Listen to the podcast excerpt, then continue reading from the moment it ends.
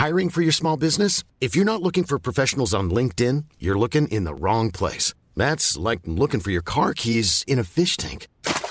LinkedIn helps you hire professionals you can't find anywhere else, even those who aren't actively searching for a new job but might be open to the perfect role. In a given month, over 70% of LinkedIn users don't even visit other leading job sites. So start looking in the right place. With LinkedIn, you can hire professionals like a professional. Post your free job on linkedin.com slash people today.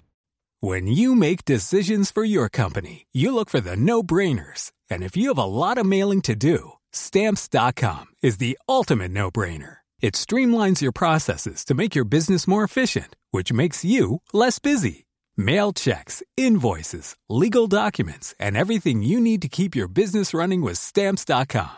Seamlessly connect with every major marketplace and shopping cart. Schedule package pickups and see your cheapest and fastest shipping options from different carriers. With rates up to 89% off USPS and UPS rates. And with the Stamps.com mobile app, you can take care of mailing and shipping wherever you are. Make the same no-brainer decision as over 1 million other businesses with stamps.com. Sign up with code program for a 4-week trial plus free postage and a free digital scale. No long-term commitments or contracts. That's stamps.com. Code program.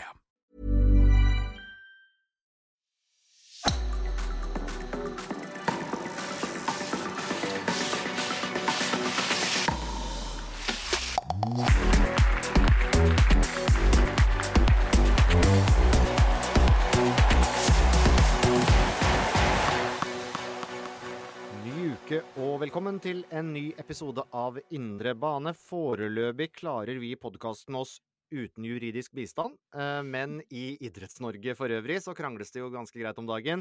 Gjert Ingebrigtsen har engasjert Jon Christian Elden som advokat i konflikten med Friidrettsforbundet. Og hvordan er det egentlig? Har eh, Klæbo og Skiforbundet blitt enige om en eh, avtale, eller har de det ikke? Det er ikke så lett å bli klok på. I løpet av episoden så skal vi innom det som kan bli et veldig spennende tennissamarbeid. Eh, spent på det. Vi skal snakke med hun som omtales som Tines største norske talent innen sprangridning. Og vi skal snakke om både landslagets kvalikfiasko og helgas brennhete derby mellom Lillestrøm og Vålerenga. Men Dorthea, du bor som kjent i Sverige, og vi kommer ikke utenom det tragiske som skjedde i Belgia på mandag, der to svenske fotballsupportere ble drept, og en tredje ble hardt skadet, og kampen eh, da ble stanset midtveis. Hva eh, sier man i Sverige etter det som eh, skjedde i Belgia? Nei, jeg tror de eh, Eller de er helt knust. Jeg tror det er mange som er i sjokk. Eh, altså de ikke kan ta på svenske trøya si når de reiser til utlandet, er jo helt vilt. Det er jo altså som et eh, ja, land som egentlig aldri har vært i krig, så er det jo helt sprøtt å være så redd når du reiser til utlandet, og at det er en trussel nå ikke bare for fans på fotballkamp, men for svenskene. Så de er helt knust. Det har vært mye her nå med både gjengkriminaliteten som foregår, men, men det her at eh, ja, at det ble sånn som det ble i Brussel, og kjempe, kjempe, kjempetragisk. Det skal jo ikke skje. Eh, og så er det De står veldig sammen om det. De hyller eh, svenske kapteinen Viktor eh, Lin Nilsson Lindeløv eh, for at han ja, sa at vi skal søren meg ikke spille andre omgang. Mm. Eh, og at eh, svenske fansen måtte være på arenaen til fire på natta og bli sendt rett på et fly. Det er jo helt sykt. Eh, så de er i sjokk, men eh, står veldig sammen om det. Og så ja, Kanskje det er så lett å være kaptein på fotballaget, men, eh, på landslaget, men det han gjorde, var veldig riktig da. Så leste jeg i går at det kan være de må spille ferdig kampen mot, mot egen vilje, da. Så Ja. det er jo en hel sånn aftermath-greie som kommer opp nå. Men fy søren, så tragisk. Ja, og det, og det har jo vært spekulert i det om, om de faktisk må spille den kampen. Selv om Sverige da, de kommer ikke eh, til EM, og Belgia er klare for EM. Det var snakk om en gruppeseier der eller ikke, men belgierne sier jo også vel at ja, det spiller nok ikke noen rolle for oss. Eh, Det, det betyr ingenting oppi dette her. Og så kom det jo også fram at håndballkvinnen til Sverige hadde fått beskjed om å ikke bruke landslagstøy da de nylig var i Luxembourg. Eh, Så det er som du Altså sier før Dor- dette skjedde. før dette skjedde, og det er jo som Ja. du sier da, Dorthea, at eh, det har vel som regel føltes ganske trygt å reise rundt i verden og si at du er fra Sverige, og så plutselig så er det ikke det, det lenger. Så det er jo, det er jo helt uh, vanvittig. Det kan jo hende det blir viktigere enn noen gang, da, for svenske sportsfans, tenker jeg jo, å faktisk ha på seg landslagstrøya framover, enten det er snakk om uh, fotball eller håndball eller ishockeyfans eller hva det er, uh, for å på en måte vise ja, vise samhold og, og vise på en måte at de ikke lar seg lar seg knekke sånn sett, da. Det kan jo Ja. kanskje bli viktig. Ja, jeg føler svensken de er veldig Nå har det jo vært Altså fra vi flytta hit nå etter sommeren, så var det jo eh, fotballjentene ikke sant, som gjorde det så rått. Og de fulgte liksom opp hele torget og hadde fika på morgenen og fri fra skolen for å se på. Så de er jo veldig sånn Står sammen i det, og de er jo voldsomt idrettsfans. Mm. Eh, og de er veldig engasjert, så selvfølgelig Altså, et herrefotballandslag er jo noe av det største de, de har. Eh, så jeg tror ikke det blir problemer med det, at de kommer til å komme sammen og komme sterkere ut av det. Men eh, enormt tragisk, og det setter jo en støkker i det, da, hvis du f.eks. hadde tenkt å ja, reise på, på neste tur, eller kanskje på Nå ble det jo ikke mesterskap, men kanskje på neste mesterskap så er det litt sånn Er det det du må begynne å, å gå rundt og være redd for? Ikke det om du har Mm. glemt tannbørsten, men, eh, men det om du, om du kommer hjem i det hele tatt. Og de som ikke får familiemedlemmene sine hjem heller, det er kjempe, kjempetragisk. Og åh, jeg syns ikke det har noe med, med en fotballkamp og toppidrett å gjøre. Men dessverre så har det jo blitt sånn. Virkelig ikke. Ehm, fra tragedien eh, med de svenske supporterne, eh, så må vi heldigvis få se over på noe som er litt mer sportslig relatert. eh, Og det er et mulig tysk-dansk tennissamarbeid. For Holger Rune han har jo blitt vår danske favorittennisrival, eh, må vi vel nesten kunne si. Og nå har han altså trent med den tyske tennislegenden Boris Becker i forkant av denne ukas eh, turnering i Stockholm.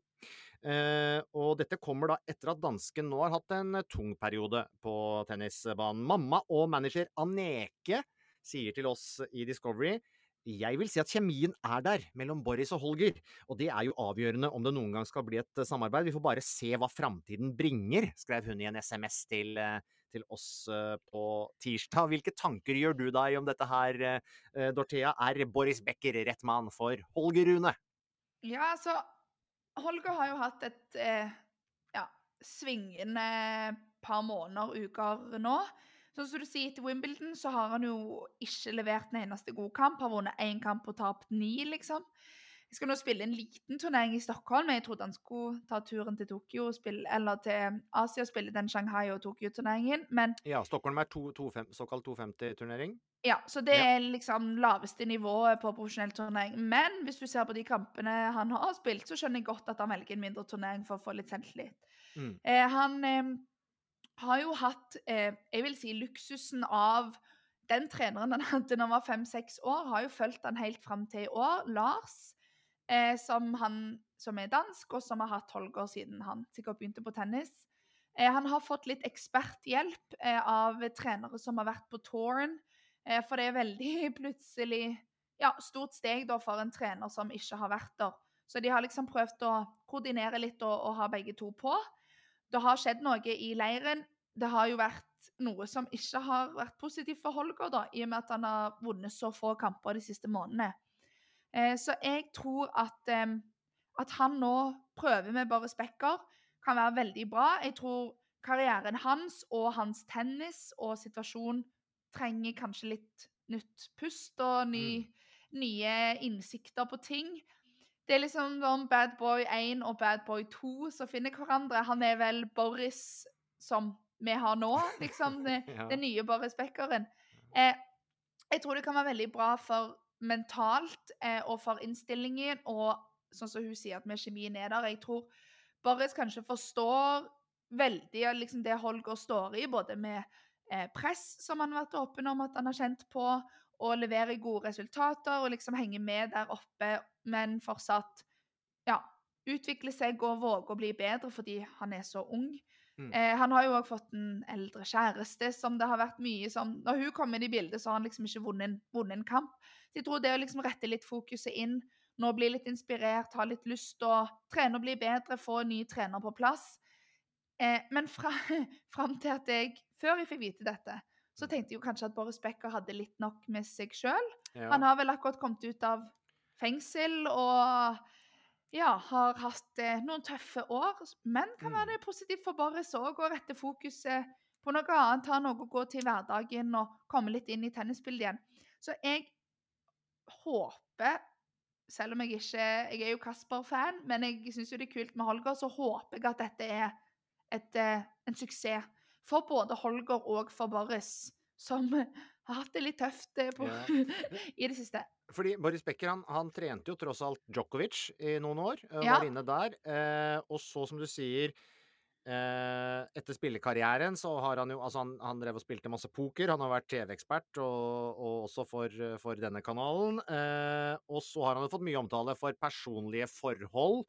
eh, de familiære tingene. Og mange kontroverser knytta til businessen han har drevet. Og mest alvorlig, som du sa, da han faktisk ble dømt i Storbritannia for halvannet år siden for å ha gjemt unna verdier i forbindelse med en konkurs og sånne ting. Eh, så, så en kontroversiell typer. Men det er vel noe med at trenere og utøvere gjerne skal treffe hverandre litt på mindset og temperament og den biten der. Og Ja, der kan de jo kanskje eh, reflektere litt i, hver, i hverandre, da.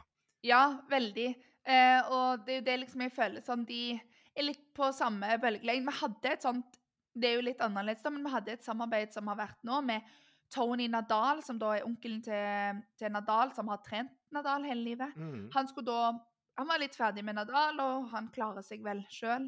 Så han skulle hjelpe da kanadisk stjerneskudd til Felix og Sher Eliasim.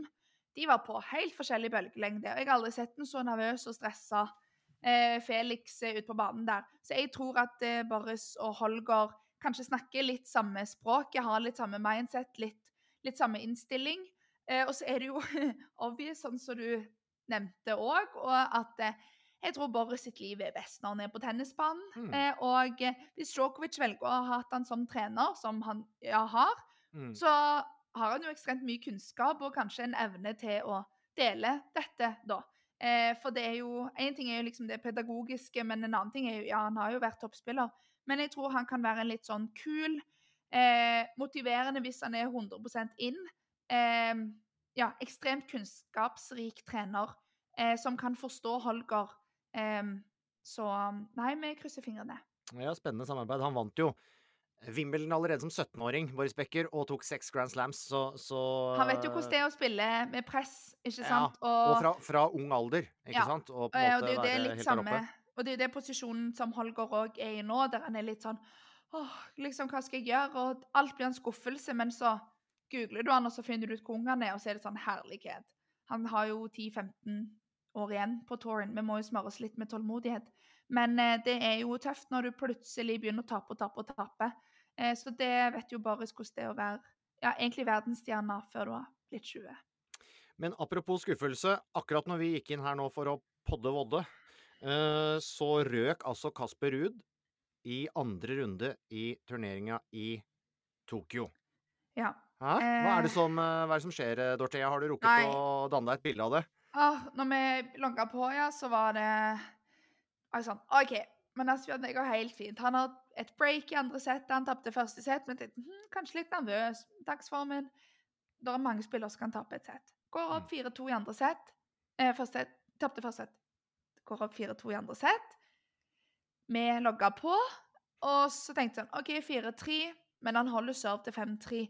Nei, da begynner han å tenke sikkert I don't know, redd for å tape. Blir brutt til 4-4. Motstanderen 5-4, og så taper han til seg sånn Du har 4-2 i andre sett. Du er ranka 80 i verden. Du skal ikke kollapse og bli tatt eh, feil Altså Nei, jeg er skikkelig, skikkelig skuffa. Jeg, jeg må si det. Jeg syns denne Asia, de tre turneringene han har spilt nå, den Asiasvingen, som vi kaller det, har vært mye bra eh, og mye dårlig. Kom ned fra Labour Cup, spilte egentlig ganske bra Labour Cup. Eh, kom ned til Beijing, leverte bra kamper. leverte, Tapte for Alcaraz, som er et godkjent tap for alle tennisspillere i hele verden. Og den kampen var jeg sånn Du, du kunne jo hatt den. Altså, Han Mm. var så nærme, og vi snakket om det på den, det er vel to-tre to, uker siden. At han, var, han virkelig liksom litt fornøyd med å spille jevnt. Kom til Shanghai, som var liksom den store turneringen, den med mest poeng. Eh, den viktigste. Spilte to ekstremt bra runder. Slo en amerikaner i andre runde der. Dritbra. Var sånn Nå! i sånn roll.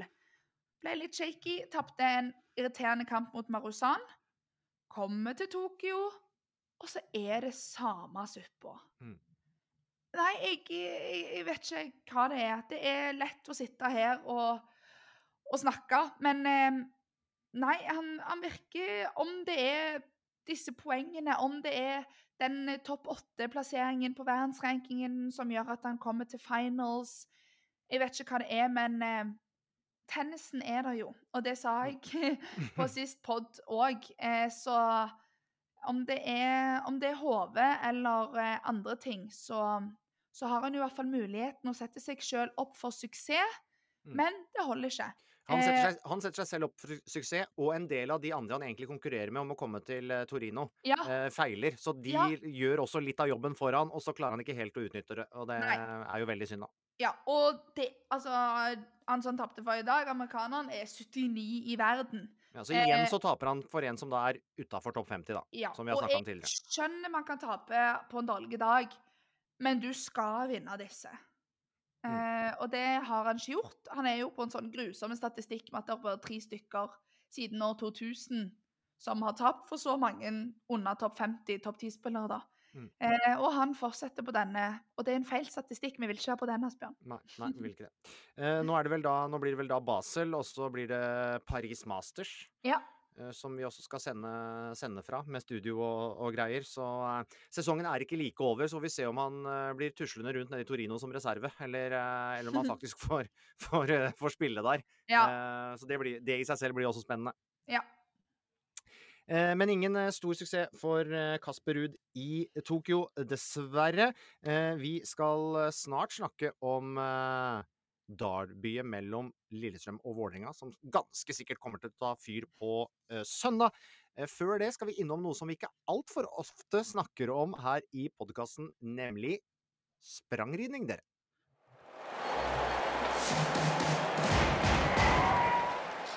Ja, det sendes jo ganske mye hestesport på Eurosport og Discovery pluss uh, Dorthea. Men det er ikke så ofte vi eh, har snakka om f.eks.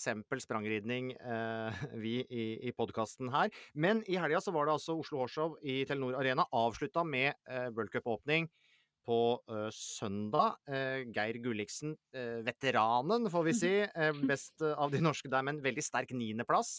Eh, det var helt, helt rått. Men en som virkelig imponerte over flere dager, og som da har fått sportssjefen i Rytterforbundet til å ta fram superlativene. Eh, det er deg, det, Jenny Krogsæter. Det største talentet Norge har sett, sier sportssjefen. Hva sier, hva sier du til det? Nei, altså, jeg føler meg utrolig smigra som blir omtalt med så store ord. Um, men jeg er jo utrolig glad for det. Det er jo, det er jo absolutt det jeg har lyst til. Eh, Og, ja. Har, du, har du på en måte landa etter, eh, etter eh, Oslo eh, Horshov, hvor du da på søndagen eh, fikk din eh, World Cup-debut, men hvor du jo også eh, konkurrerte og gjorde det veldig bra i dagene opp mot, opp, opp mot eh, søndagen, da? Mm. Ja, nei, det var, når jeg var der, så var det egentlig litt sånn surrealistisk, faktisk. Det var, var jo bare rosett på rosett, og det, det var veldig over all forventning. Men nå er jeg hjemme igjen og klar til å fokusere videre, så Men det er liksom Det må jo være alt du drømmer om. Altså, jeg husker bare Mm. Oslo Horseshow. Det var liksom Åh, hvis du, hvis du får bli med ut på premieutdeling da, Ja. liksom ifra du rei ponni til at du begynte vel, begynte vel med Children, altså nå da Mm. som ung rytter, så er jo det Er det én gang du vil være god, så er det på hjemmebane. Ja, det var det treneren min sa også. Han sa sånn Nå når du kommer hjem, så Eller jeg hadde vært borte i tre år nå, så han var sånn Det er veldig viktig nå, Jenny, at du kommer hjem og viser dem hva du har trent på, hva du har fått til, og ikke at de tror at du har ligget på sofaen i tre år. Og da var jeg veldig sånn Vet du hva, han har helt rett. Jeg må faktisk eh, må vise meg litt frem nå. Og eh, vise dem alt jeg har lært. Og det var eh, Ja, det gikk veldig fint. For, for når du sier det, og du sier at du er hjemme igjen nå, så betyr det at du er i Belgia. Og du har altså vært Det er, Mm. det er flere år nå, tre år kanskje siden du konkurrerte i Norge sist. Du, du, du Ja. valgte å flytte til Belgia. Kan du, kan du si litt om det? Hvorfor, hvorfor er du i Belgia? Ja, det startet egentlig med Jeg flytt... Eller jeg dro til Belgia for eh, å trene med min egen hest. et par måneder, rett og slett fordi her nede er de så gode med hester, og det er bare Det er så mye hest, så det er bare å være her nede, så får du jo med deg så mye. Og så kom eh, korona, og de stengte grensene, så jeg kom meg jo ikke hjem. det var stuck. Um, og så tenkte jeg hva, nå skal jeg være her og lære alt jeg kan. Fikk noen flere hester å ri. Fikk lov til å dra på et stevne med en av hestene herfra. Og den ble da solgt, og ja, det ble egentlig Vi funket bare veldig bra. Så til slutt så tilbød han meg en jobb. Og da Det var jo det jeg hadde lyst til, og jeg vet hvor mange norm... Eller norske ryttere som drømmer om å få ri i utlandet, og jeg vet hvor vanskelig det er. Så når jeg ble tilbudt sjansen, så var jeg sånn jeg, jeg må bare gjøre Eller jeg må bare prøve det og ta muligheten. Og siden det så har jeg bare blitt, egentlig. Ja, for, ja, for sånn så det funker, da, eller ja, er jo litt sånn Du har kanskje noen egne Eller du har jo et par egne hester. Eh, Ja. Og så har du Og så er du da ansatt som rutter på altså, disse mm. gårdene, Asbjørn. Altså, jeg prøvde å forklare før, du kom på nå, med liksom Altså, det er to timer til alle de største stevnene. Der er Mhm. liksom bare gårder og ridebaner Ja. og topphester på topphester. Altså, Ja, du, altså du kan dra ned der og finne liksom så mye bra. Og, så du er jo ansatt og rir f.eks. unghester, eller er med å utdanne deres hester, og så har du òg Ja. dine egne. Eller hva Er det sånn Ja. det funker? Ja, ja det stemmer. Og eh, nå blir jo det veldig sånn Altså, businessen i sprangrenn er jo helt Altså, folk selger jo hester for helt syke mengder med penger, og det er så mye penger involvert.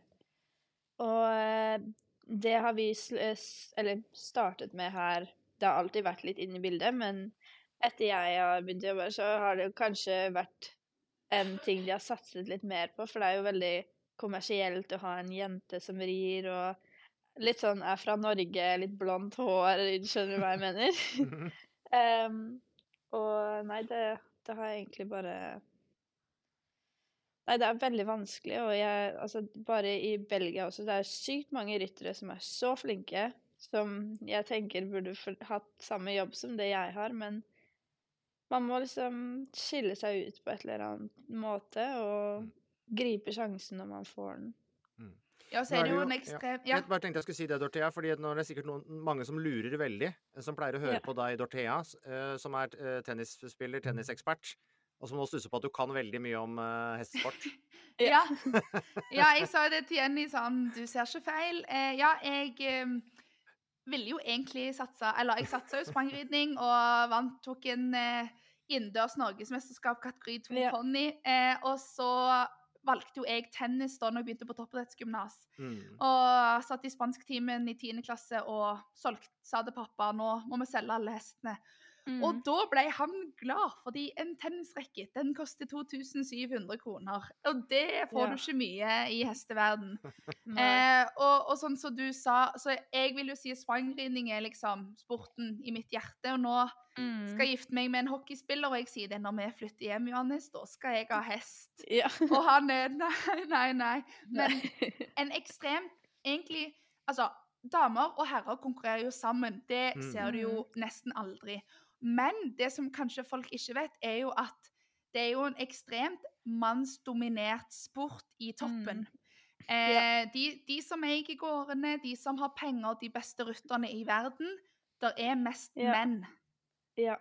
Det er jo også her hvor jeg jobber, sjefen min, eh, han er jo obviously mann, holdt jeg på å si, og han har da fire sønner. Treneren min er mann, kollegaene mine for det meste menn. Ja, ja. Det er liksom Så du Så- blir veldig fort liten eh, i den Ja. verden, og du må være så tøff. Eh, så, og sånn som du sier, det er jo en drøm, men, men, men hva nå? Nå har du fått ridd World Cup. Eh, du Ja. har fått, liksom, fått litt smakebiten på det. Hva, hva ser du for deg? Hva drømmer du om? Hva, skal du bo der til du er 50? Altså, du kan jo det i sprangridning. Ja, altså Drømmen min foreløpig er egentlig bare Så lenge jeg eh, fortsetter å steppe opp til høyere nivåer eh, så lenge som det går, så sier jeg meg Eller så, da fortsetter jeg. Så har jeg kanskje lyst til å sakte, men sikkert bli litt mer involvert i de business-greiene og sånn. Eh, bare sånn for å kanskje ja, bygge opp litt kapital meg selv òg, ikke bare tjene penger for de, for de andre, kanskje. Mhm. Ja. um, men uh, så lenge jeg fortsetter å Så nå når jeg kom til Belgia, er jeg jo ikke engang på tostjerners nivå. Og nå har jeg akkurat ridd min første femstjerners, så så lenge det fortsetter å gå, gå den veien, så har jeg jo bare lyst til å fortsette. Og jeg kan egentlig ikke se for meg et liv uten hest. Det kan jeg ikke. Men, og jeg er veldig Jeg tror ikke jeg hadde slått meg til ro med det som å si meg fornøyd sånn som jeg er nå. Jeg må eh, prøve litt lenger og enda litt høyere. Men si, si litt om konkurranseformene på en måte her, som kan være litt sånn innvikla for de som står utenfor. Eh, for du, Ja. vant, du vant jo blant annet da her før helga en femstjerners eh, hoppning, ikke sant? Ja. Eh, og så var det worldcupen på, på Mhm. søndag, som var første worldcup-konkurransen din. Si litt om de her Ja. ulike konkurranseformene som da er typisk i løpet av ei sånn helg, sånn som var i Telenor, da. Mm. Ja, altså Jeg konkurrerte jo i typisk to forskjellige på en måte uh, kategori Eller hva man skal Mm. Bedømmelser, da. Mm. Em, hvor det er Når hele banen er på tid, og hvor det er om å gjøre å da ha raskest tid og minst feil. Hvor jeg kanskje presterte best. Jeg vet ikke Eller jeg veldig Hvor det var om å gjøre å ri fort da, og feilfritt. Mens worldcupen, der samler du jo eh, poeng i løpet av sesongen. Eh, hvor det går da en runde først, hvor du skal hoppe en veldig teknisk bane på minst mulig feil. Eh, og vil si at hvis du kommer inn til mål med null feil, så er du videre til en omhopping, hvor du Mm. da rir en runde som er uh, på tid. Uh, og hvor det er om å være raskest. Så den er jo kanskje litt mer krevende fordi at Ja, det er over litt flere runder. Um, men ja. Det er vel Ja, altså, det, er jo, det er jo det mest krevende du får. Eh, Ja, og både absolutt. som altså, rutter, du må være så komplett. Eh, og du ser jo nå, mm. sånn som du sa innledningsvis, Asbjørn, at Geir er jo still going strong og er Ja. helt rå. Og han er jo en, altså, han er jo en olympisk rutter som vi mm. er heldige i Norge som har. Eh, og han er jo ekstremt flink, men det krever jo òg veldig mye av en hest.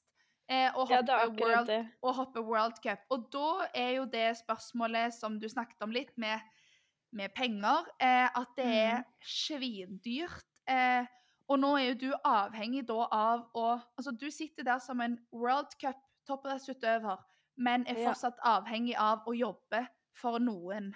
Eh, for Ja. at ting skal gå rundt. Eh, Det er jo ikke mange toppidretter som man fortsatt må det, da. Nei. Altså, det Jeg er jo ikke fra noen familie hvor vi brukte penger på hest sånn Vi kjøpte en ponni en gang, og så det den ble solgt for når vi solgte den, det var det vi fortsatte å kjøpe med, så det er veldig sånn Mens eh, nå er jeg jo i et miljø hvor det er veldig mye penger, og de er jo en av de største stallene i Belgia, så jeg vet jo at det er mye penger i omløp. Ehm, men samtidig da, så er de fortsatt uh, fire sønner, da, så jeg er på en måte siste prioritet. Ja. så det gjør meg jo egentlig veldig motivert til å selge mye og gjøre hestene bra, fordi jo mer penger de tjener, jo bedre hester kan jeg få i fremtiden også. Og jeg, altså, som, som også har mye å si, det er jo det er jo en sport hvor du er avhengig av et annet individ, på en måte. Mm. Og de kan ha, ja, akkurat som hos mennesker, dårlige dager, gode dager, dager hvor du er sliten, hvor du føler deg har masse energi, og eh, som gjør det egentlig umulig å forutse resultatet. Jeg kan være i verdens beste form og være mentalt klar og alt sånt, men hesten kan jo være stikk motsatt. ja, det er ekstremt mye som skal stemme. Eh, og så Alt skal klaffe, ja. Ja, så antar jeg at du sånn helt, helt rent sportslig eh, sikkert har en drøm om å f.eks. delta i et OL? eh, en gang i framtida, vil jeg tro. Ville vært, eh, ville Ja. vært stort. Hva, hva tenker du om det? Jeg tenker at å snakke om det nå føles veldig sånn At jeg egentlig ikke burde snakke om det, fordi det er så Eller skjønner du? Det er så Men det er jo det, det gjeveste. Ja, det er akkurat det. Å tenke at jeg meg selv liksom synes at jeg har noe der å gjøre. Men OK, det er jo ikke snakk om nå. Det er jo et mål jeg har lyst til å sette meg frem i tid. Og um, jeg, mer jeg merker at så mange folk eh, rundt meg har veldig troa på meg, og det får meg til å ha veldig troa på meg selv. Og ja, tenke at eh, jeg skal ikke si meg fornøyd der jeg er nå, i hvert fall. Mm. Altså, når du det, er litt eh, skum, det er litt skummelt å tenke på. Det skal ikke, skal ikke Nei, men det er viktig. Også er det viktig å snakke Altså Hvis du tenker på at du skulle ned og trene et par måneder i Belgia, gått fra to Ja. stjerner til fem stjerner, til å vinne fem stjerner, til å ri World Cup på tre Ja. år, Mm. så er det liksom sånn OK, hvor skal dette slutte? Eh, men så Ja. er det jo mye som skal stemme. Du skal få få ri den beste hesten, den rette hesten for deg. Eh, Ja. og sånn som du sier, det er ekstremt mye penger i, i omløp, og det er jo det som er tøft òg med spangridning. Ja. Eh, og da syns jeg det er så kult. Jeg vil, altså Både du, Jenny, og eh, altså Amalie Steen Hegre, som er et kjent mm. navn da i spangridning, som er liksom Altså, hun vant EM på en hest fra Finnøy. Og Finnøy, det er utenfor Stavanger. Yeah. så, så hun liksom Det er så viktig. Eh, selvfølgelig, vi Mhm. setter pris på de som ja, har uh, utilgjengelig med penger og kommer med de kuleste wow, liksom. Eh, Ja. men det er veldig kult og viktig, tror jeg, at en sånn idrett som er så prega av ekstremt mye penger, at det kommer noen jenter opp der det er sånn Jeg har bare blitt dritgod uansett Ja. om jeg har hatt eh, dyre eller billige hester. Og du ser det er tre jenter som har vært på amerikanske landslaget. Det er dattera til Steve Jobs. Eh, Ja. Han eh, Hva han? Microsoft Mm. eh, eh, Gates Mm. eh, og Bruce Springsteen. Og de har litt Ja. eh, penger, de gutta der, altså. ja. Det er veldig mye penger som genererer, og det gjør det Hva skal jeg si Veldig Det kan jo være litt umotiverende noen ganger, men jeg er veldig, jeg er veldig Men når det går bra, av, Ja. ja. Når det går Ja, bra, så er det jo bare sånn Yes! Når jeg, når jeg da får det til, og jeg klarer å hva skal jeg si, slå de, eller med kanskje en halvparten, eller en tredjedel av prisen og alt mulig, men bare vise at jeg har ikke alt å si. Og jeg håper jo at jeg kan motivere andre talenter til å bare stå i det, selv om det er mange ganger hvor du bare skulle ønske du kunne gifte deg med en rik mann, og alt var Alt var fikst. Ja. Men uh, in the Ja. end så tror jeg når du da vinner, så betyr det ti ganger så mye.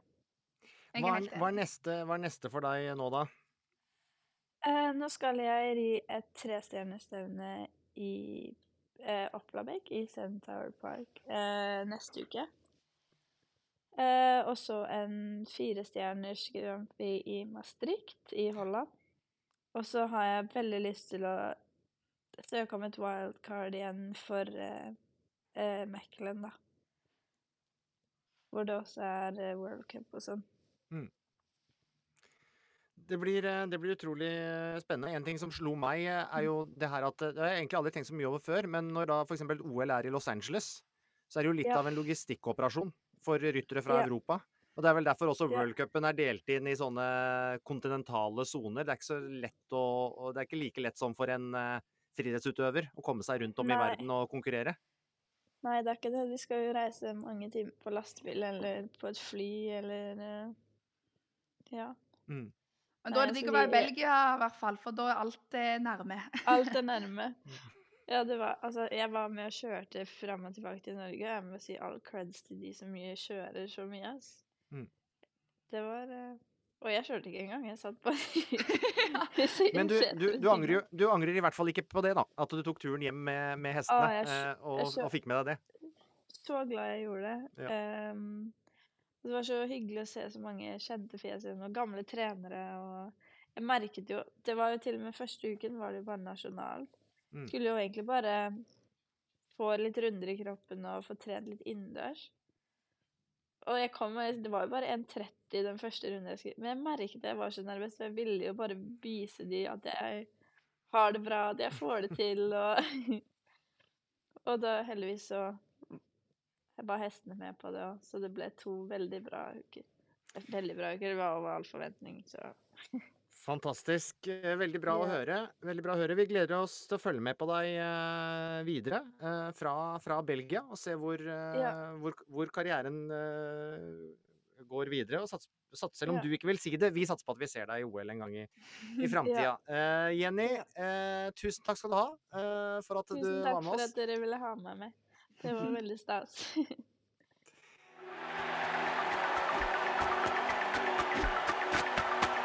Det skjer veldig mye positivt i friidretten, så jeg syns det er dumt at det er liksom fokuset. Men på en annen måte så skjønner jeg det litt også. Så klart, det er, jeg syns det er dumt at det tar så mye fokus nå som det går så bra i, i norsk friidrett. Eh, så det blir Ja. Det er jo vanskelig å komme seg unna og ikke se det. Ja, det sa de to friidrettsstjerneskuddene Henriette Jæger og Håvard Ingvaldsen til oss da friidrettslandslagene ble presentert tirsdag. Stavhopper Sondre Guttormsen sier jo til NRK at uh, dette setter friretten i et dårlig lys, og til samme kanal sa OL-medaljør i slegge Eivind Henriksen at nå må det ordnes opp. Uh, Dorthea, uh, hvordan tror du det er å være en av disse utøverne som på en måte dras inn i en konflikt som de egentlig ikke er en del av? Jeg tror det er kjempevanskelig. Jeg tror de er jeg, Altså, jeg er litt lei av å se de mediene så mye som det har vært nå. Jeg kan bare tenke meg hvordan det er for de. Eh, selv om de kanskje ikke har ja, to økter med Jakob eh, og Henrik og hjerten utfor gjerdet til dagen, så blir du Du er i samme forbund, du er på basically samme landslag. Du blir jo berørt av det.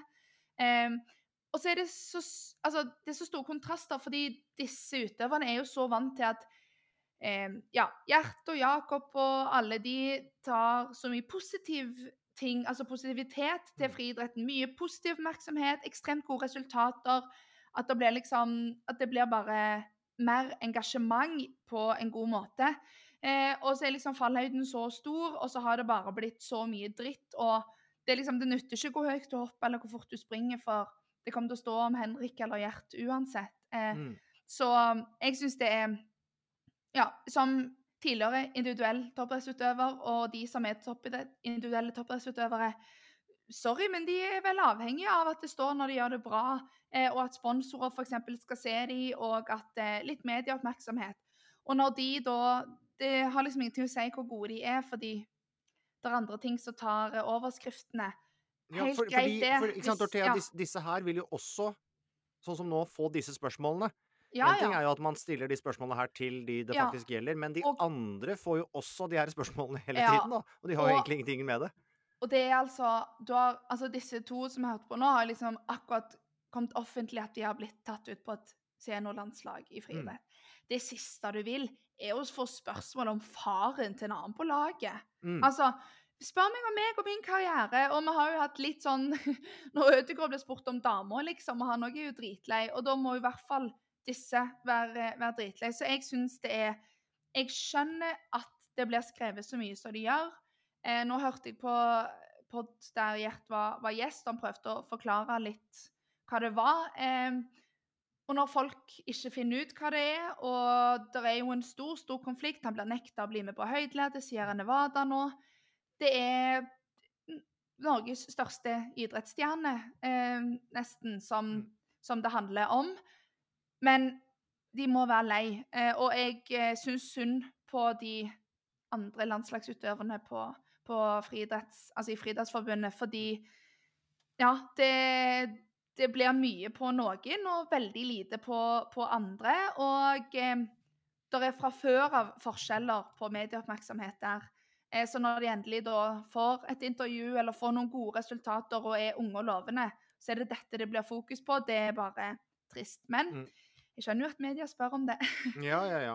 Men jeg, Eh, jeg syns, jeg syns rett og slett bare synd på de, og jeg håper at den ballen kan bli liggende død lagt snart. død. Ja. Ja. Det var vel det som var poenget til flere av de andre utøverne nå, at nå måtte det ordnes opp. Så får vi se om uh, det blir ordna opp. Nå er i hvert fall advokater kobla inn på begge uh, sider. Og så har jeg en mistanke om at vi kommer til å snakke om dette her igjen. Og utøverne kommer til å bli spurt om det igjen til Ja. det er rydda opp i.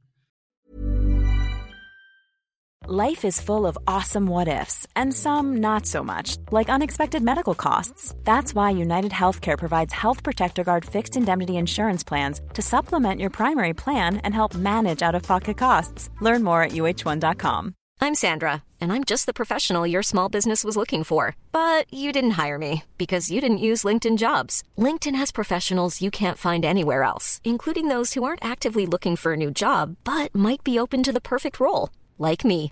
In a given month, over 70% of LinkedIn users don't visit other leading job sites. So if you're not looking on LinkedIn, you'll miss out on great candidates like Sandra. Start hiring professionals like a professional. Post your free job on linkedin.com/people today. There's never been a faster or easier way to start your weight loss journey than with PlushCare. PlushCare accepts most insurance plans and gives you online access to board-certified physicians who can prescribe FDA-approved weight loss medications like Wigovi and Zepbound for those who qualify. Take charge of your health and speak with a board-certified physician about a weight loss plan that's right for you. Get started today at plushcare.com slash weight loss. That's plushcare.com slash weight loss. plushcare.com slash weight loss.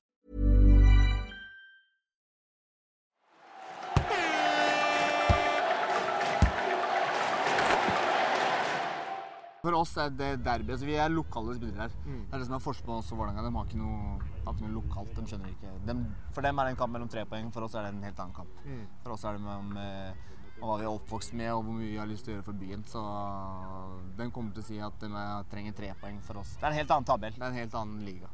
Er det en fordel for dere? Det Nei, det er mye mer press for oss, selvfølgelig. For vi har lokale folk som vet hvor mye det betyr. De har liksom leiesoldater og sånn, så det er ikke Det er forskjell. Det er vel mulig å påstå at det allerede var Norges heteste derby, og det var før eh, Geir Bakke gikk fra å være LSK-trener til å bli VIF-trener midtveis i sesongen. Ehm, husker du hva du tenkte da den trenerovergangen var et faktum? eh, tidligere Vålerenga-kaptein Jonathan Tollås Nation. Nei, jeg ble altså, som alle andre eh, ekstremt sjokka. Da. Det var ja, det var et stort sjokk midt i sesongen, liksom. Og Vålerenga der de lå på det tidspunktet. og eh, liksom, Men han har vel etter, han har noe gammelt uh, uoppgjort da, kanskje i Vålerenga, så han vil tilbake liksom og få og, ja, få en gammel storhet. Han var vel var han der under Rekdal-tida, når de vant eh, ja, sant, så, han, eh, så han har allerede opplevd det. og og vet at, måtte, ser potensialet og har lyst til å oppleve noe lignende igjen. Så, så jeg, ser jo, jeg ser jo valget, men uh, veldig overraskende. Eh, Men det gir jo bare enda mer krydder til, eh, til suppa, egentlig. da. Når jeg, når jeg sier Vålerenga-Lillestrøm eller Lillestrøm-Vålerenga, hva, hva tenker du da, sånn umiddelbart? Fyrverkeri, uh, pyro uh, Ofte, i hvert fall på Åråsen, ofte litt sånn dårlige fotballkamper. Altså mye eh, taklinger og lite finspill. og liksom, Jeg følte, ma- jeg i hvert fall vi aldri kom inn i liksom, noe rytme, kamprytme. Det var så mye avbrytelser med om det var pyro eller om det var raketter som føyk ut på banen, eller om det var liksom bare at man hadde høye skuldre. Liksom, ja. Og ofte på høsten òg, så det er liksom ikke fineste fotballkampene, men utrolig gøy å spille. Eh, Du har vært med på mange av de. Du har eh, kommentert eh, mange av de, Kenneth. Eh, eh, Og ikke minst de seinere åra, så må vi jo si at eh, det har, eh, det har jo virkelig tatt fyr. Ja, til de grader. Uh, apropos det med Geir Bakke, det var sånn der for meg Husker du hvor du var-øyeblikk? Fordi at uh, jeg, var, jeg var på øy utafor vestlandskysten hvor jeg pleier å legge fra mobiltelefonen, og så kom sønnen min og sa at Geir Bakke har gått til Vålerenga. Og så sa jeg at hvem Geir Bakke? Ja, treneren Hva, er det du snakker om, sa jeg. Treneren Altså, Geir Bakka går fra Lillestrøm til Vålerenga som trener? Ja. Nei, det, var, det var faktisk helt surrealistisk, det må jeg faktisk innrømme, når det, når det skjedde. Jo, nei, det har, vært, det har vært ekstremt Det har blitt bare mer og mer intens, syns jeg. Eh, Og det er jo Norges ubestridte eh, lokaloppgjør.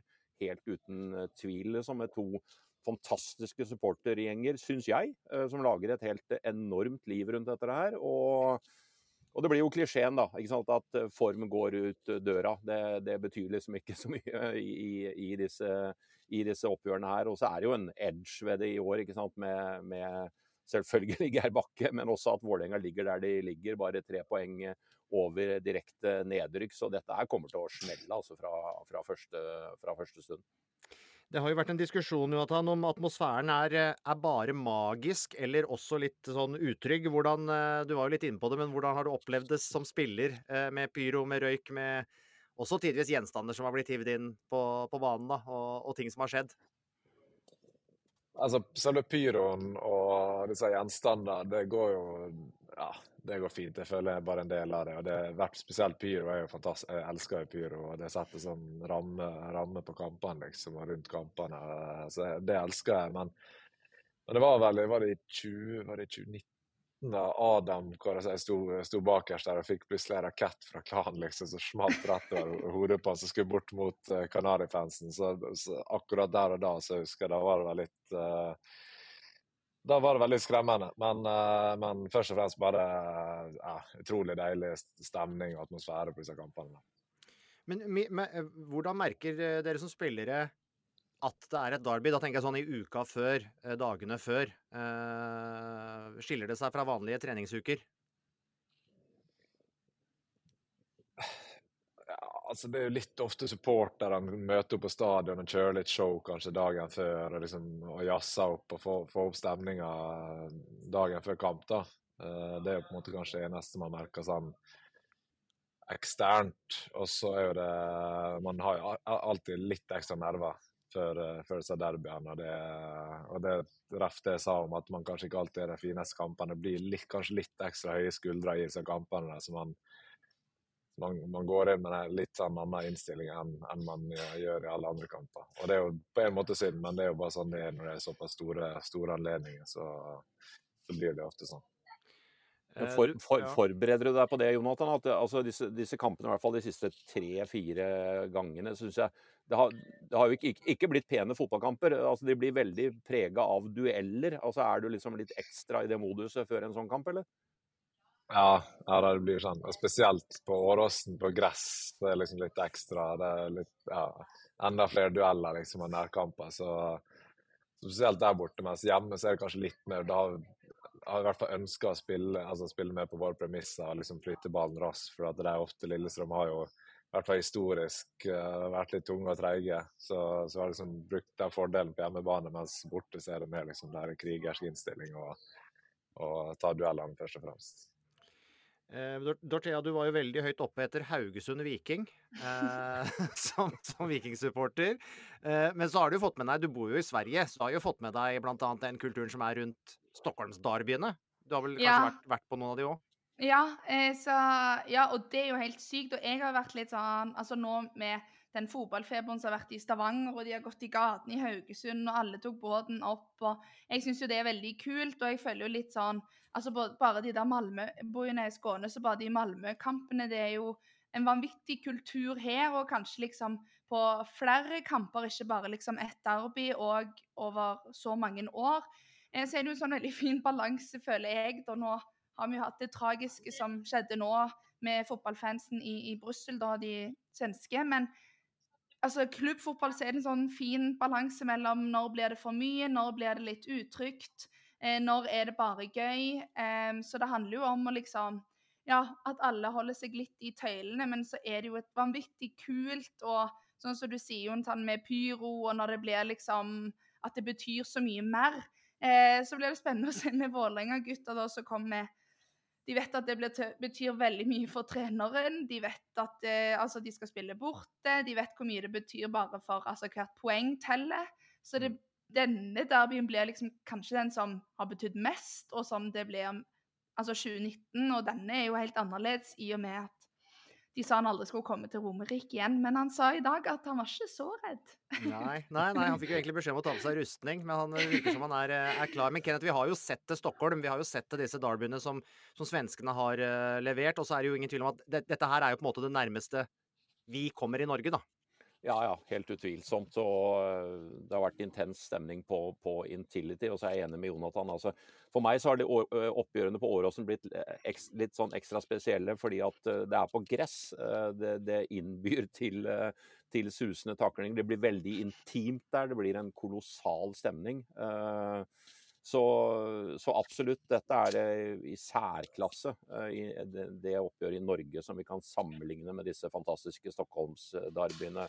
Derbyer fra London, han har sagt, for den saken skyld, selv om stadionene er fire ganger så store.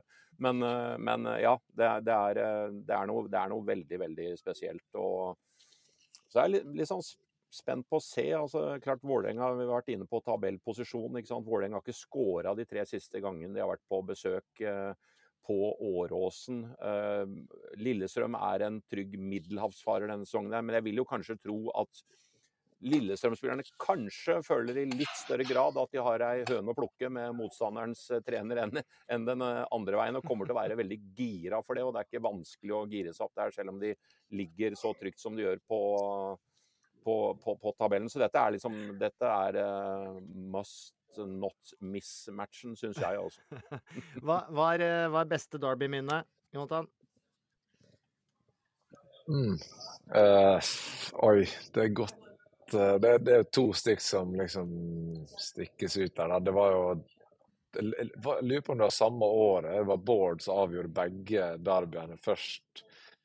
Om det var på, tidlig på sommeren der mot uh, på Intility, når han skåra på frispark. Nei, han skåra ikke på frispark, skåra på overtid, men uh, mm. skudd på overtid avgjorde 1-0 uh, eh, der. Og så var det seinere samme sesong, tror jeg, han skåra på frispark på, på Åråsen ble 1-0. Uh, eh, mm. Så jeg vet ikke helt jeg skal velge mellom dem to. Det blir som å velge mellom foreldrene mine. Men uh, jeg vil kanskje si den hjemme, hjemme der når vi sto og feira foran liksom, klanen etterpå. og bare jeg tror, jeg tror jeg kom inn i garderoben, så var det liksom fire-fem mann som blødde neseblod, for vi hadde slått til hverandre i den feiringa. Det var ingen, som hadde liksom merka det i det, for det var så mye adrenalin. Da. Så det, jeg, tror jeg, må, jeg, tror jeg, må, gå for den. altså. Herlig. Um, på søndag altså kampstart 14.30. Det er vel også for at uh, for at det ikke skal fyres altfor mye blant supporterne i, i forkant. Uh, Vålerenga da 24 poeng på tolvteplass, men kun ett poeng foran Stabæk på kvalik, og som du sa, Kenneth, tre poeng ned til direkte nedrykk. Så alt å spille for uh, der. Vi er ikke helt ferdig med fotballpraten, men vi skal snu fokuset over på landslaget. Igjen så mislyktes altså Norges fotballherrer i en uh, kvalik, og uh, ikke bare det, men søndagens kamp mot Spania på Ullevål, det ble jo en reell nedtur. Spillemessig, kanskje stemningsmessig, resultatmessig. Eh, og så vet vi jo at eh, denne her Joker Nord-varianten Nations League, den, eh, den, er det så vidt liv i fortsatt. Blant annet fordi eh, Serbia eh, tok en viktig seier.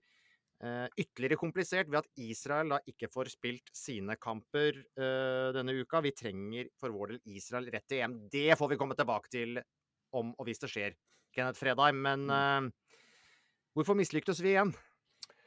Ja, det er, eh, det er et godt spørsmål. Uh, nei, altså Denne Spania-kampen jeg, jeg, ble på en måte faktisk bare underveis i kampen bare trist av å se på det. Uh, og litt sånn, litt sånn sjokka over at vi var så langt unna. Dette er ikke Spania er på en måte i en sånn oppbyggingsfase av et litt nytt landslag, de også. De er ikke så fantastiske som de var for noen år tilbake.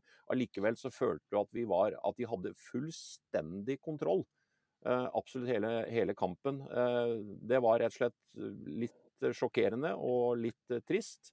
Eh, og fortalte dessverre at den veien opp til de, til de ypperste der, til de som kvalifiserer seg til mesterskap, den er fortsatt rett og slett for lang, altså. Og så, og så blir det dette spørsmålet ok, hvorfor får vi ikke Det går ikke an å si at vi ikke får noe ut av Braut på landslaget når du ser hvor mye mål han har skåra, men, men, men, men, hvorfor skinner ikke han og Ødegaard på samme måte på landslaget som, som de gjør i, i klubblagene sine? Det, det, blir jo det store spørsmålet. Altså, vi har I de front seks-spillerne på landslagene så har vi alle spillere spiller på et veldig godt nivå. De lykkes i klubblagene sine. Det er spennende nye folk også, med Nusa og, og Bob. For meg eh, så blir det dessverre da, igjen en prat om at vi ikke har gode nok midtstoppere. Og, det, og, og da snakker vi om gode nok midtstoppere som ballspillere. Altså Midtstoppere i dagens fotball de er ekstremt viktige. Eh, det blir liksom, litt sånn nedvurdering å kalle de igangsettere for mange midtstoppere internasjonalt i dag. De er playmakere. Altså De er så gode til å spille fram, spille gjennom ledd, trekke seg gjennom ledd, være trygge, vende spill, skape åpninger. Der er vi dessverre ikke med Norge. Jeg, jeg, jeg tror vi mangler den tryggheten og den kvaliteten som sprer seg bakfra i de, i de virkelig gode nasjonene. Klarer liksom ikke å, å, å, se noe annet, men prøver å se det som en forklaring på at vi ikke har den flyten. Uh, vi har den mot røkla, for å kalle det det, men vi, har den ikke mot de virkelig, virkelig gode lagene. Det hørtes ut som et oppspill til midtstoppereksperten her, eh, Jonathan. Men det er jo litt sånn jeg synes det, det ene øyeblikket så klages det på at vi ikke har ballspillende midtstoppere, og det andre øyeblikket så klages det på at vi ikke har duellsterke midtstoppere. Eh, hvordan ser du på det? Nei, vanskelig. Altså, det er ikke til forkleinelse for Stefan eller eh, Østigård, på en måte, men det er sant, Stefan spiller i Vålerenga, og Østigård er uh, stort sett på benken i Napoli. Uh, det altså, og så møter du du møter altså Spania har uh, Laporte nå som dro til Saudi. da, og sånn, det er Normand og de, altså de spillerne de hadde sett dem på, det er jo på en måte det, er jo kvalitetsforskjell. For jeg syns jo egentlig at det, Stefan er jo en god ballspiller. Og en fin balanse, eller miks mellom at han er god med ball og egentlig en god boksspiller. Østigård mer utprega boksspiller, ikke særlig god med ball, men heller ikke liksom helt krise med ball. Så jeg tenker jo at at det ikke nødvendigvis er liksom det miksen at de er for dårlige med ball i forhold til defensivt. du skjønner. Altså Det er mm. mer bare kanskje at man ikke har uh, Man er ikke bedre, på en måte. Kvaliteten er den, den, den det den er. Uh, så syns jeg Ayer var fantastisk mot Kypros. Uh, veldig lovende. Jeg syns han har vært god i, i det jeg har sett han i Premier League også. Og han er jo en potensiell kommende liksom ledertype der bak. Og, han er jo en ledertype. og liksom, Han er litt den, har litt de kvalitetene som Kenneth etterspør, da, med at han kan ta med seg ball gjennom ledd og utfordre og skape ubalanse i motstanderen. Så, så, hvis man liksom får han inn i en riktig rolle på landslaget, så har jeg veldig troa på at han eh, endelig da, for å si det sånn, kan, kan etablere seg på landslaget. Mm. Um, for vi har, ja, vi har noen, noen, veldig store stjerner. Skal man si at det er litt ujevnt, men det er jo fortsatt mindre nasjoner enn oss på en måte som stadig kommer til noe sluttspill, da. Uh, Jonathan, hva, har du noen noe tanker rundt det? Ja, det er det. Uh, og det er Nei, uh, altså når jeg ser Det er litt enig med Kenneth underveis i kampen nå, så ikke man skal si trist, men liksom du ser det er noe med dette det, Man er bekymra, man er redd for å gjøre feil. Det virker som man er veldig sånn ja, at det er rett og slett uh, man, Redd for å motta ball i litt uh, trange situasjoner på egen halvdel. for at du uh, Hva skjer hvis jeg mister ball nå? At du på en måte ikke virker som du har den tryggheten i laget.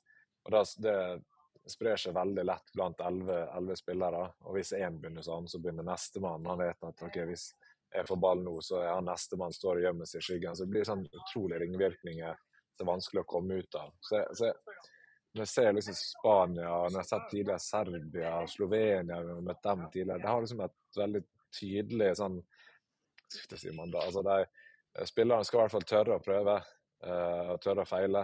Uh, og så får de heller, hvis de ikke prøver, så har de gjort en feil. Litt sånn Bodø-Glimt. Sånn, sammen når jeg ser på Bodø-Glimt og Tromsø, så er det litt sånn den feelingen jeg får. At de er jeg har blitt opplært til å bare prøve og tørre å motta ball i trange situasjoner og ikke være redd for det. Uh, så man må kanskje ta en studietur opp dit. um, uh, så kan man jo argumentere Kenneth, selvfølgelig at det ikke sånn sett er Spania-kampene som er avgjørende, fordi vi antok at de var de beste lag i gruppa osv. osv. Men uh, ja, vi var tredjeranka, men vi, vi, er jo avhengig av å ta noen steg da, for å bli andre, andreranka og førsteranka. og det nytter på en måte ikke bare å, å gjemme seg bak det. Nei, nei, det gjør ikke det, og du er jo inne på noe vesentlig. Altså, det, er, det, er, jo ikke bare, det er jo ikke bare supernasjoner som har kvalifisert seg til disse mesterskapene vi ikke har kommet til. ikke sant? Så, og, og, vi er jo ikke noe nærmere. Altså, ikke sant? Vi var i playoff i 2015 mot Ungarn. Vi, vi, er, vi er, jo liksom ikke noe nærmere nå.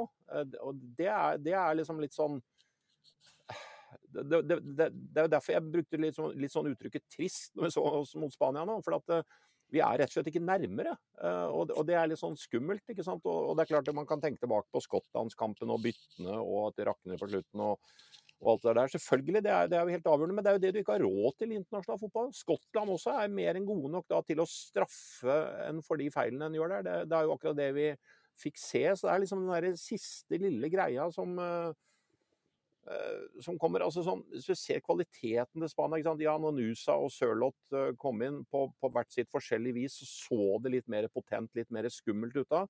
Så ser du samtidig Carvahall, ikke sant? høyrebekken til Spania. Han går ikke på ei finte til Nusa. Han, han har egentlig full kontroll på Nusa. Altså Du møter liksom plutselig spillere på et annet nivå. Martin ikke sant, er helt fenomenal på Arsenal. Uh, sett alle kampene. Det er klart at det er mye mer innarbeida, de er mye mer samkjørte, det er mye mer relasjoner. Det er greit, det. Vi klarer liksom ikke å sette opp Martin i de samme situasjonene på landslaget som gjør at han er den boksåpneren og den playmakeren han er på Arsenal. Så det er, det er, det er rett og slett um, noe som mangler der, og det, det er, det er det er Ja, det er, skuffende. Det er, litt sånn frustrerende. for, for, ikke bare sikkert for Stole Solbakken og spillerne, men for oss som er glad i dette her og, og bare drømmer om at vi igjen skal komme, komme til mesterskap. Ja, for, men Kenneth, spillerne sier, Ståle Solbakken sier at det er en klar utvikling. Ja, de gjør det, men, men, dette er en resultatbransje. ikke sant? Så du kan på en måte bare dundre i de resultatene tilbake og si at ja, men OK, vi, vi, vi, et, et, landslag er jo ikke sånn sett et utviklingsprosjekt. ikke sant? Og jeg, jeg syns jo, jo, Jonathan er inne på noe, på noe vesentlig med dette her, at å våge. Altså, Hvis du skal ha en veldig ambisiøs uh, spillestil, så kan du ikke bli redd for å mislykkes og få høye skuldre. Du må faktisk tørre i å spille på, på spillere i trange situasjoner. De kombinasjonene må du stole på at du klarer å få til. Og så syns jeg det er ett område som jeg har tenkt ganske mye på, som jeg syns vi henger bak på, og det er gjenvinning. Gjenvinningsspillet. Altså Hvis du ser hvor gode disse beste nasjonene er, når de mister ball, så er de altså så ekstremt aggressive med to, tre, fire mann som stuper inn i gjenvinning. ikke sant? Mm. Eh, Rodry som sto og styrte alt nå, ikke sant? De, de, gjenvinner ballen med en gang. Du får, du får bølge etter bølge etter bølge i trynet. Eh, og, og etter hvert da så føles det vel litt sånn håpløst. Og det, det hjelper i hvert fall ikke på selvtilliten, Jonathan, når det, når det er sånn. Ser du, ser du noe sånn uh, umiddelbar uh, god vei videre, Jonathan, for, uh, for landslaget? Ja, altså det er jo selvfølgelig Man har Haaland og Ødegaard, sant? og det i seg sjøl. Og så har du Nusa nå, nå og, og, Bob som har vist loven akte nå uh, siste tida. Så, så, det er jo Jeg føler vi har jo sagt det i mange år, men liksom framtida er jo lys. og jeg vil jo tro at man bare vil bli bedre.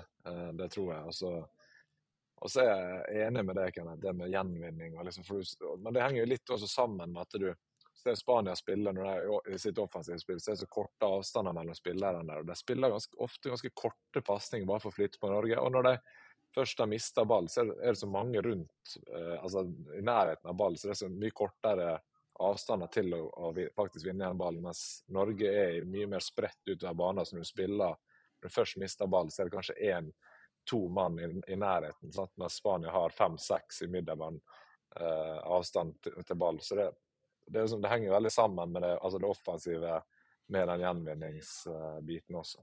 Mm. Du har vel knapt nok opplevd et uh, sluttspill med Norge i din levetid, uh, Dorthea. Uh, men jo, du har forhåpentligvis noen gode år foran deg. Ja. Så det er lov å håpe.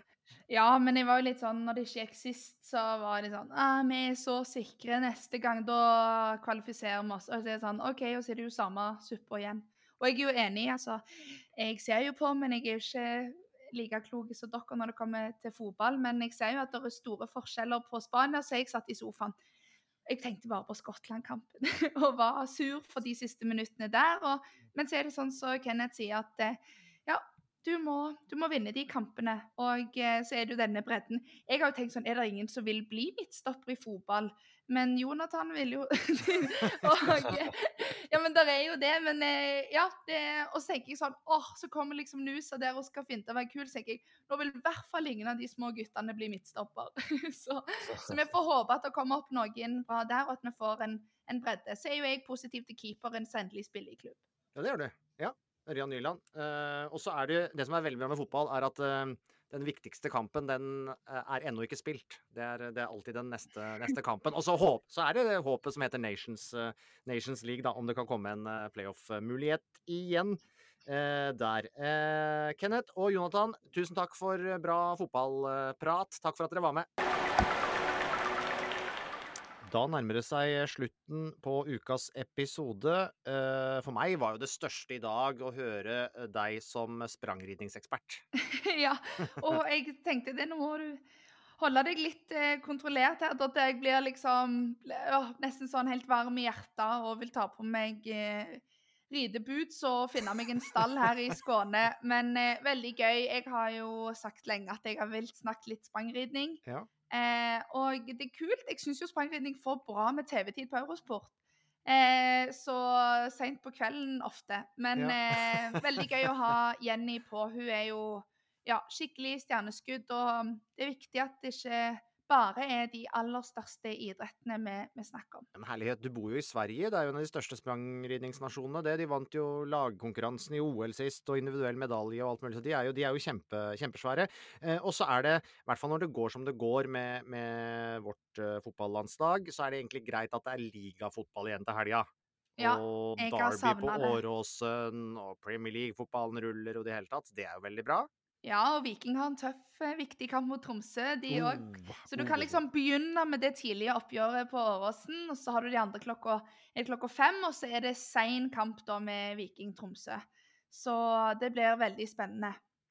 Eh, skal vi også ta med oss at eh, torsdag kveld eh, Kolstad tar imot Kiel. Selveste Kiel, gamleklubben til Sander Sagosen, blant andre. I Champions League. Så det er en håndballgodbit, eh, selv om mye er sagt om eh, TV-dekning og rettighetssituasjon. Derfor Champions League-turneringen den er ikke så lett å finne fram til, men det er nå et annen, en annen eh, sak eh, da. Og så er det jo sånn at egentlig eh, vintersesongen starter allerede i neste uke. Det er jo World Cup-åpning i alpint vel i Sølden neste helg, og da er det NM i hopp til og med, hæ? allerede. Så, så da begynner vinteralvoret eh, også, så da gleder vi oss til å ta tak i det, sannsynligvis, da, i neste uke. Nei, men det ble vel en uh, fin episode, det. Ja, det gjorde det. Nå skal jeg på jentetur til Madrid denne helga. Oh, ja, Så dessverre er så spiller både Real og Atletico Madrid bortekamp, og jeg tror ikke jeg hadde fått med jentene på fotballkamp. Men, eh, men det ble veldig gøy. Og så er det altså snø på fjellet. Pappa sendte bilder fra hytta, så nå blir det kjempegøy framover. Jeg er vintersport og alpint skikkelig fan, så vi må jo snakke litt det òg videre. Nå kommer den kalde, fine tida, sier vi da. Ja. Veldig bra, eh, Dorthea. Eh, vi prates i neste uke. Inntil da Snakkes! Snakkes.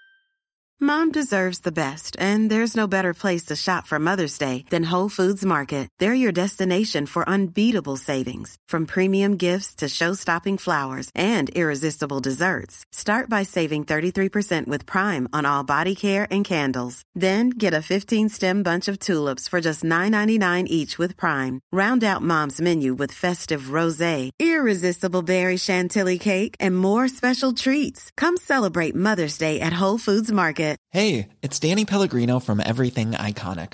Ready to upgrade your style game without blowing your budget? Check out Quince. They've got all the good stuff shirts and polos, activewear, and fine leather goods, all at 50 to 80% less than other high end brands. And the best part? They're all about safe, ethical, and responsible manufacturing.